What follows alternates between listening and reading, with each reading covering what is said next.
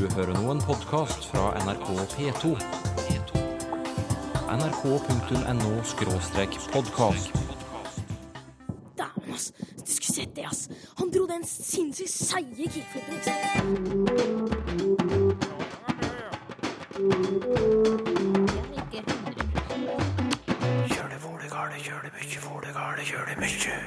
Kvensk, et minoritetsspråk som allikevel har påvirket norsk. Vi har et ord om, som er brukt om en utålmodig, stressa person som aldri har rast eller ro, og som man kaller for hedahouso. Og heda betyr nød, og hoso betyr bukse. Og i Zimbabwe har Ivar Aasen vært inspirasjonskilde. Yes, Ivar Aasen really influenced us. The way he described Norwegian is the way we are describing our languages today. Og så spørs det om du er en gyner. Det var jo slike som møtte opp f.eks. På, på galleriet i ei kirke for å se på vielser og slike ting. Det kunne bli kalla gynere. Hvilke kvenske ord og vendinger kan vi finne i norsk dagligtale? Det er Bjarte Erdal som skriver til Språkteigen og spør. Og hos Kvensk stedsnavntjeneste finner vi svar. Irene Andreassen, er det hoppo i dag? Nei da, ikke Hoppo her. Det, er, det går fint. Vi har godt om tid. Bra. Hva var det egentlig jeg spurte deg om nå? Du spurte om jeg hadde det travelt, om det var hastverk. Ja. Og det er det ikke. Nei. Du, vi skal komme tilbake til andre kvenske ord som blander seg inn i norsken enkelte steder i landet. Men først må du gi oss en kort bakgrunn. Hvem er kvenene? Ja, siden 1990-tallet har kvenene hatt status som en av de fem nasjonale minoritetene her i landet. Folk som kom fra det som i dag er Nord-Finland og Nord-Sverige over flere hundre år til Norge. Og de slo seg hovedsakelig ned i Troms og Finnmark på søk etter jordbruksland og arbeid. I dag er kvensk anerkjent som nasjonalt minoritetsspråk, men hvordan ble kvensk behandlet før? Nei, det var jo i likhet med samisk et språk som eh, var forbudt i, i perioder i skolen fra midten av 1800-tallet og helt fram til siste krig. Så det var jo snakk om å lære seg norsk så, så godt som mulig og ja, forsøke å glemme kvensk. Men språket har jo faktisk holdt seg til tross for det her helt fram til i dag. Hvor mange er det som snakker kvensk? Det har jo ikke vært noen tellinger av, av kvener siden 1930. Men vi kan si at det er noen få tusen som kan språket, mer eller mindre. Men det er bare en håndfull som skriver og leser det, på grunn av at det har hovedsakelig vært et muntlig språk. Det var litt bakgrunn. Men så tilbake til eh, spørsmålet fra lytteren vår om kvenske ord og vendinger i norsk. Du har eh, på oppdrag fra Språkteigen samlet noen eksempler og, og forsøkt å dele dem inn i kategorier. Hva vil du nevne først? Nei, jeg vil nevne først eh, uttrykk i norsk som har tydelig forbilde i finsk og kvensk. Eksempel i saunaen, eller dampbadet som vi sier gjerne, så tar man damp. Eller man damper.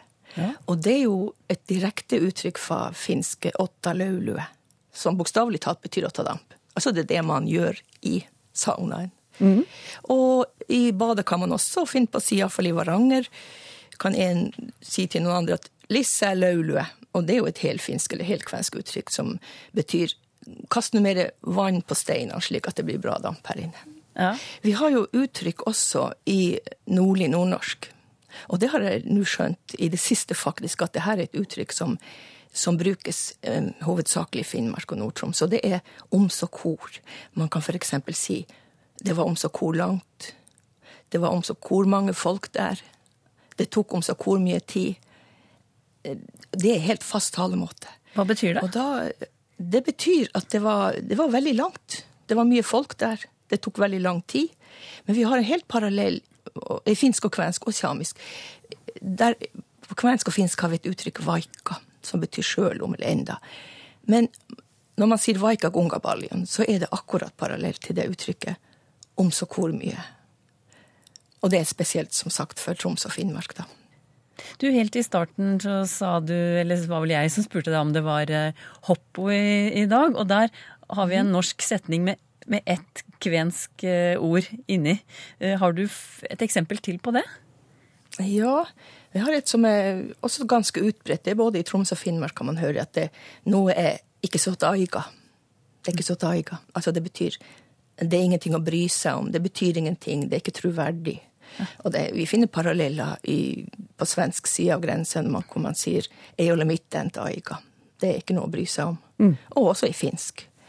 Og så har du, ser jeg, eksempler på barnespråk, der eh, Ja. du finner eh, kvenske ord. Det er eksempel, og det har jeg sagt til min egen gutt også, at når han gikk for nært ovnen, at ikke rør. Det er boppa.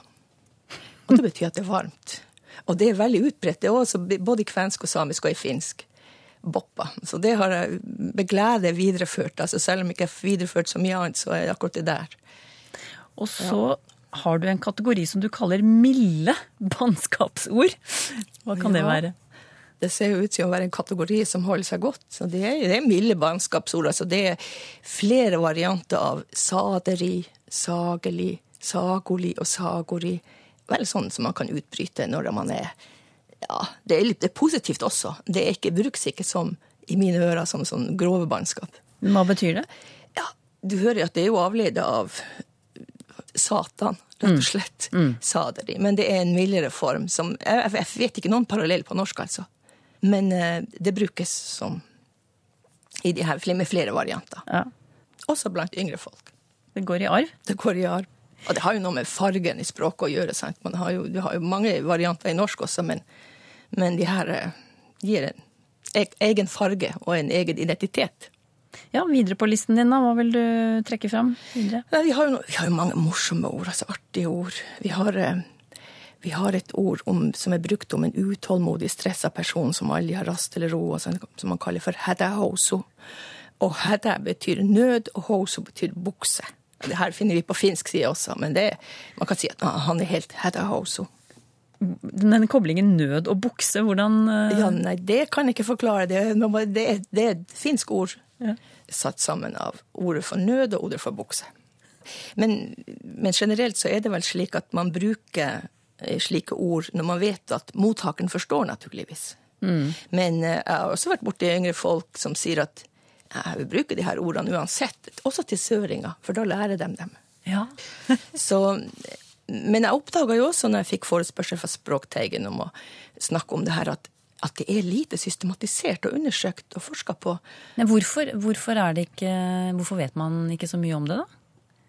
Nei, som Jeg sier, jeg tror at det kanskje har noe å gjøre med at stat, da statusen til de dialektene her øverst ikke har vært så høy. Så eh, det er kanskje derfor. Sånn som For mitt vedkommende så var jeg jo mer interessert i å, å se hva eh, slags påvirkning norsk og til dels samisk har i kvensk. Men den andre veien, hva har kvensk og samisk gitt norsk? Der har vi et stykke arbeid enda å gjøre. Det sa Irene Andreassen ved Kvensk stedsnavntjeneste, som ligger under Språkrådet.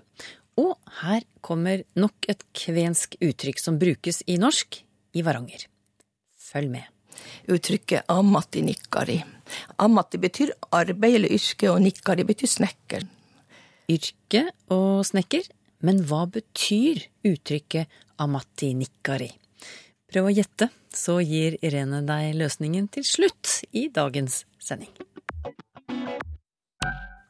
Hvis du lurer på hvordan et norsk ord staves, eller hvordan du skal definere det, så kan du slå opp i en ordbok. Hvordan ville det vært hvis du ikke hadde hatt den muligheten? Hvis slike kilder rett og slett ikke fantes på ditt språk? Språkdokumentasjon var tema for en konferanse i Trondheim nylig. Vi skal dit og treffe en som hadde reist langt for å fortelle historien sin. Midt på 1800-tallet reiste Ivar Aasen rundt i Norge for å dokumentere hvordan folk snakket. Lite visste han at arbeidet hans skulle være til inspirasjon et helt annet sted på kloden 150 år senere. I've never uh, seen, you know, Eva Olsen myself. Of course not. You see? but, you know, I've read about him. I would say, yes, this guy really inf- influenced us in, a, in a big way. Because the way he described Norwegian is the way we are describing our languages today. Emanuel Chabata, direktør for det afrikanske språkforskningsinstituttet i Harare, Zimbabwe. Men på 90-tallet var han student, og deltok i arbeidet med å samle inn ord og språkprøver av de to største språkene i Zimbabwe, shona og ndebele. we we developed this uh, you know behavior of carrying a notebook with us. Maybe you're in a bar, maybe you're at church, maybe all kind, kinds of contexts. So you hear something, you, you write it down. Very little notebooks that could fit into our pockets. Men hvorfor? Hvorfor oppsøke barer, kirker, rettssaler, klasserom med notatblokk og penn i skjortelommen? I, I I think you need to understand where we are coming from, the country's history. We were colonized by the British. Og selv om kolonitiden er over for lengst, er engelsk fremdeles det offisielle språket i Zimbabwe. I skolene, i mediene, i staten. Samtidig har bare en liten del av befolkningen engelsk som morsmål. De fleste har shona eller ndebele som sitt førstespråk. språk. languages have been marginalized. They only belonged to the villages. Zimbabwernes eget språk har hørt hjemme i landsbyene, sier Chabata. Og ordbøkene som fantes inntil nylig, var laget av misjonærer. For misjonærer og andre hvite. Men på 90-tallet begynte altså blant andre Emanuel Chabata et mangeårig arbeid med å dokumentere dialekter fra hele landet. Each student would be given a a cassette recorder. So in 92, then we, each one would be sent his or her district of origin. De frivillige studentene ble også utstyrt med kassettspillere og sendt hjem til landsbyene sine for å ta opp samtaler med lokalbefolkningen. Og hvordan reagerte de? Yeah, very interesting reactions. And so you writing a Shona dictionary? No, you can't. You, you can't. You can't do it. You can't do it. Remember, before these were compiled by missionaries, and missionaries were white people. So you know the the whites are better than blacks. That's in their mind. So how can you do such a thing? It's too huge for you. Du er svart. Hvordan kan du gjøre noe så stort som å lage en ordbok i Shona? spurte folk. Secondly, they would say, a Shona dictionary. What for? I'm Shona, I know everything. So why should we, you know, have a dictionary? Jeg kan Shona, sa folk. Hvorfor trenger jeg en ordbok? Ja vel, sa Chabata. Oh, you know everything in Shona? They said, yes, we don't need a dictionary. Then I asked them to define what a person is. Da kan du kanskje forklare meg hva en person er? What is a person? So they were stuck. How to describe a person, you know? Then also a nail, a fingernail. What is it? You know it, but what is it? You know a person, but what is it? Slike samtaler viste folk at de kunne ordene, men de kunne ikke forklare dem, slik en ettspråklig ordbok gjør, som vår bokmålsordbok eller nynorskordboka. you know, because we didn't have a dictionary culture. But the moment you know this culture came in, or people got interested, so the, the, the attitude has. Før hadde vi ikke noen kultur for ordbøker og annen språkdokumentasjon, sier Emanuel Shabata. Men det er annerledes nå. Nå har vi ettspråklige ordbøker på Shona og Ndebele, en stor digital samling med talespråk, og det vitenskapelige språkarbeidet fortsetter. Language, because it's human, it's important for development. When people talk of you know development, they're talking about roads, in, infrastructure in general, roads, you know, electrical lines, internet. They don't talk about language. But now we are saying, you know, language is something that you need to facilitate development. Utvikling handler ikke bare om veier og teknologi, sier Emanuel Chabata. Også språk gir utvikling. Helt siden kolonitiden har engelskkunnskaper vært en nødvendig inngangsbillett til høyere utdannelse i Zimbabwe. Og dermed har mange blitt utestengt. English is the language. You know, is the la- language of you know social upward mo- mobility.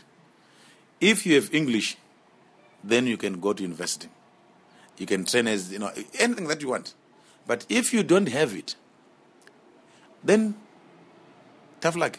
You, you can't go anywhere. But now things are changing.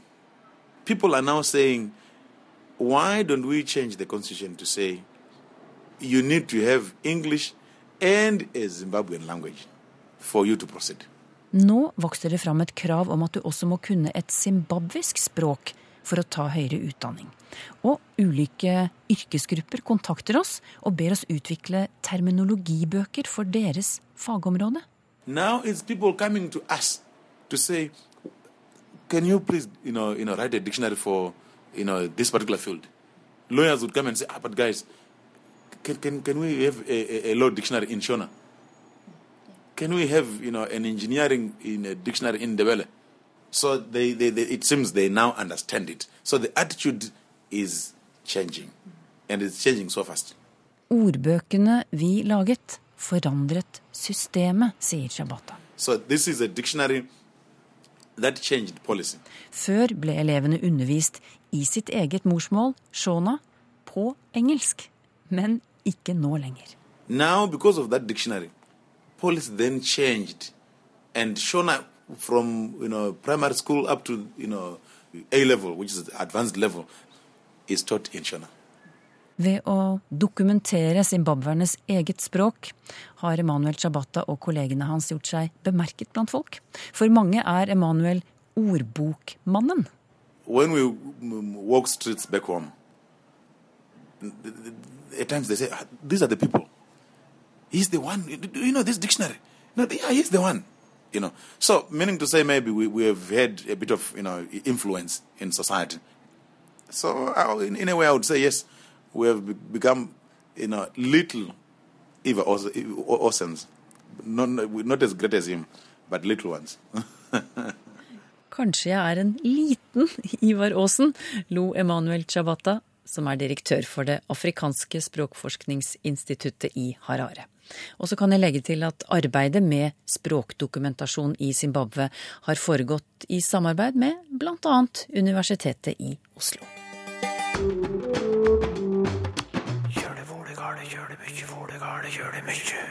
Lytterne er opptatt av dialektord, Tor Erik Gjenstad. Du, her er et spørsmål fra en som bare kaller seg Hardingen. Hva betyr ost? Som i for eksempel 'jeg skal bære ost og gjøre noe'. Og hvor kommer det ordet fra? Ja, da må en vel gå ut fra at det her eh, kommer fra Hardanger, da kanskje. Eh, Men det er nok, eh, så vidt jeg kan se, sammendraging eller forkorting av av sta. Skal av sta og fiska. Det kan jo bli trukket sammen til å sta eller å stå, eller bare sta. Skal sta og fisk. Og det er nok eh, den oss har her, eh, og det kan jo skje i kjapp tale, da. Her er det vel da å sta, som da er forkorta til ost etter hvert. Terje Løkås hørte en utgave av Språkteigen der vi tok opp ordet å gyne. Eh, Selv er han vokst opp på Lade i Trondheim, og som smågutter pleide vi å gyne på jentene, skriver han. Og så hadde de også et uttrykk som het være keen på, som ble brukt i denne sammenhengen. Og nå lurer han på om det er en forbindelse mellom gyne og det engelske ordet keen, som jo blant annet kan bety ivrig, lysten, oppmerksom, med mer. Ja, hva, hva sier du? Nei, jeg, jeg tror ikke det er noen sammenheng språklig, nei. Eh, Så lydlig så blir det her umulig, så vidt jeg kan se. Eh, Det kan ikke være samme ordmateriale her. Og gyn, det, det har jo eh, et uvisst opphav, altså. Det, det er ikke noen klare sammenhenger, men jeg tror ikke det kan ha kommet fra engelsk keen. Og gyn i betydning å, skotte og lurkikke på, det er gammelt, mens da keen, eh, det er jo nyere å innkomme fra engelsk slang. Så det er jo tangerer litt i betydning, da, for du, du kan gyne på jentene, altså. Da, og da er du jo kanskje keen på dem. Men eh, det er språklig helt forskjellig. Og du har jo òg noe de kaller gynere. eh, som, det var jo slike som møtte opp f.eks. På, på galleriet i ei kirke for å se på vielser og slike ting. Det kunne blitt kalt gynere. Knut Dybik, Dybvik, som er i 70-årene, forteller at da han var liten, avgjorde de gjerne ting med det som kalles kniv, saks og papir. Eh, Og eh, det var et annet ord for det, og det var å knoble. Kanskje ordet kommer fra knoke, spør han. Ja, eh, det kan vel være det. Eh, Jeg ser at det finnes et verb å knuble, eh, som det vel må være en variant på det her. Og det betyr annet å puffe til noen. Og det her knuble, da, eh, hvis det er det, det henger nok sammen med knue eller knuve, som betyr knoke, men som er da formelt et annet ord.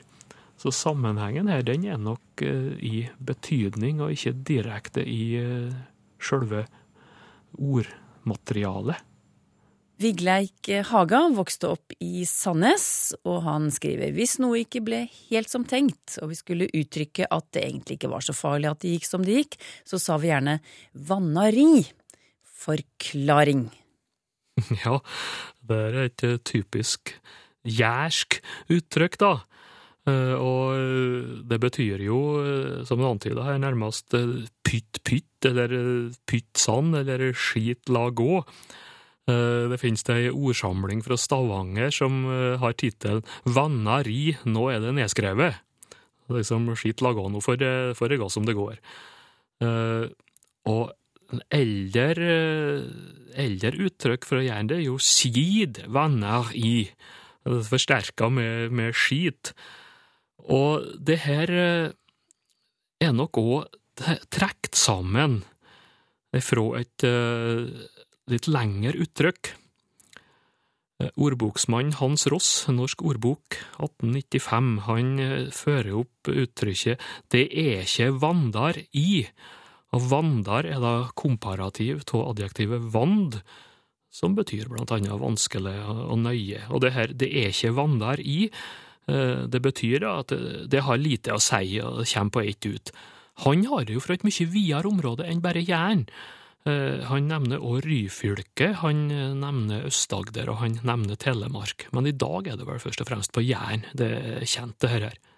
Vigleik Haga har et spørsmål til han. Han forteller at da han var barn i Sandnes, så brukte de uttrykket fusa om å kaste på strek, og han lurer nå på hvor dette ordet kommer fra. Ja, eh, han nevner jo et ord til her som noe avleda av det her, og fusa, da. eh, fusinga, altså små metallskiver, eh, som de bruker da til å kaste på, på strek, eller kaste på stikker, eh, som det òg het. Eh, Jeg tror at det her verbet å om, om eh, den her kastinga, eh, det må skrive seg fra et utrop fus som jo er bruka i, i leik for å avgjøre startrekkefølga. Eh, Den som eh, roper fus, han blir førstemann, så det betyr jo førster, egentlig. Og det er jo bruka mange plasser, eh, særlig Sønnafjells, da. Også på Jæren. Så jeg tror kanskje det er det som er utgangspunktet for eh, det her verbet å, å fusa. Det er visstnok ikke samme ordet som oss har i eh, å fuse fram, eller framfus, men det er et annet ord, eh, og det skal sannsynligvis gå tilbake på et funtus, som også bruka som utrop eh, for å bli førstemann i leik, og det skriver seg fra tysk, og det henger sammen med å finne så egentlig utrop for at en har funnet et eller annet. Så det er litt lang og, og litt kronglete, men artig historie bak det her. Lill Mari Hatlem Helseth forteller at faren brukte et ord som eh, hun ikke hører så ofte i dag. Det uttales rosjen. Betydningen er fuktig, og faren sa det ofte når han hadde brukt gummistøvler, for når han tok støvlene av, så, så var han litt fuktig på føttene, og da var han rosjen på føttene. Hun eh, legger til at uttrykket kommer fra Ytre Sogn, Hyllestad. Er det kjent for deg, Tor Erik Gjenstad? Eh, ikke direkte fra morsmålet mitt eller dialekten, men det er nå kjent eh, mange plasser. Rosjen, eller Rosken, da, som eh, det kan bli skrevet. Nokså utbredt eh, mange plasser på Vestlandet, men også østafjells. Og i Agder, og det ble lagt et par plasser i Trøndelag òg, faktisk. Og støvler og sko kan absolutt bli rosjen eller rosken, også klær. Men jeg ser jo òg at det er bruka om jord som er fuktig, og høy og halm og korn. Det kan jo være rosje. Og det her er jo laga til et substantiv roske, som betyr fukt. Og det igjen er jo da til adjektivet rå i betydning fuktig eller klam. Grete Hellstrøm Hoddevik er østlending, men besøker av og til Hoddevik, en liten bygd ytterst på Stad. Og så skriver hun En dag jeg satt sammen med to av de eldste i bygda, så sa den ene Det kjem forsøl. Og det betyr at det kommer noe foran sola, skriver Grete, og lurer på om Språkteigen kjenner til dette uttrykket. Jo da, det finnes nok registrert uh, forsøl eller forsøle uh, om skugge, eller en plass der det er skugge, altså en solløs stad, bakside, men også om kveldsskudding, da, når sola er gått ned. Og det er registrert det er ifra det området her, altså det er Sunnmøre, det er Selje. Uh, Ivar Aasen fører opp Sogn og Fjordane. Uh, uten å spesifisere noe mer. Men det finnes det norrønt òg, forsøla. Og sist del det henger jo sammen med, med sol. Så, men det er, ser ut for å være lokalt på Nordvestlandet. Og Grete Hellstrøm Hoddevik spør jo om det her er et ord som kan brukes i skriftspråket, og det kan det sjølsagt. Anders Hovden har bruka det. Jeg har et sitat fra han her.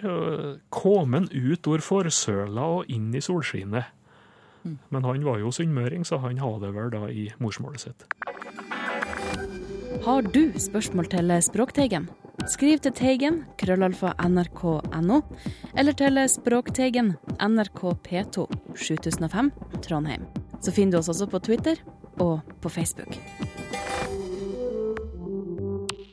Så var det den lille gåten som Irene Andreassen ga deg tidligere i sendingen. Amatinikkari. et kvensk uttrykk som brukes i norsk i Varangerområdet. Hva betyr det? Altså Det brukes om en person som sjøl mener han duger godt som snekker, men de andre ser ikke på det på samme måten. Eh, og det betyr arbeid eller yrke, og nikkari betyr snekker. Men ordet betyr altså en som tror han er en bedre snekker enn han, enn han egentlig er. Da vet alle Språkteigens lyttere det. På gjenhør om en uke.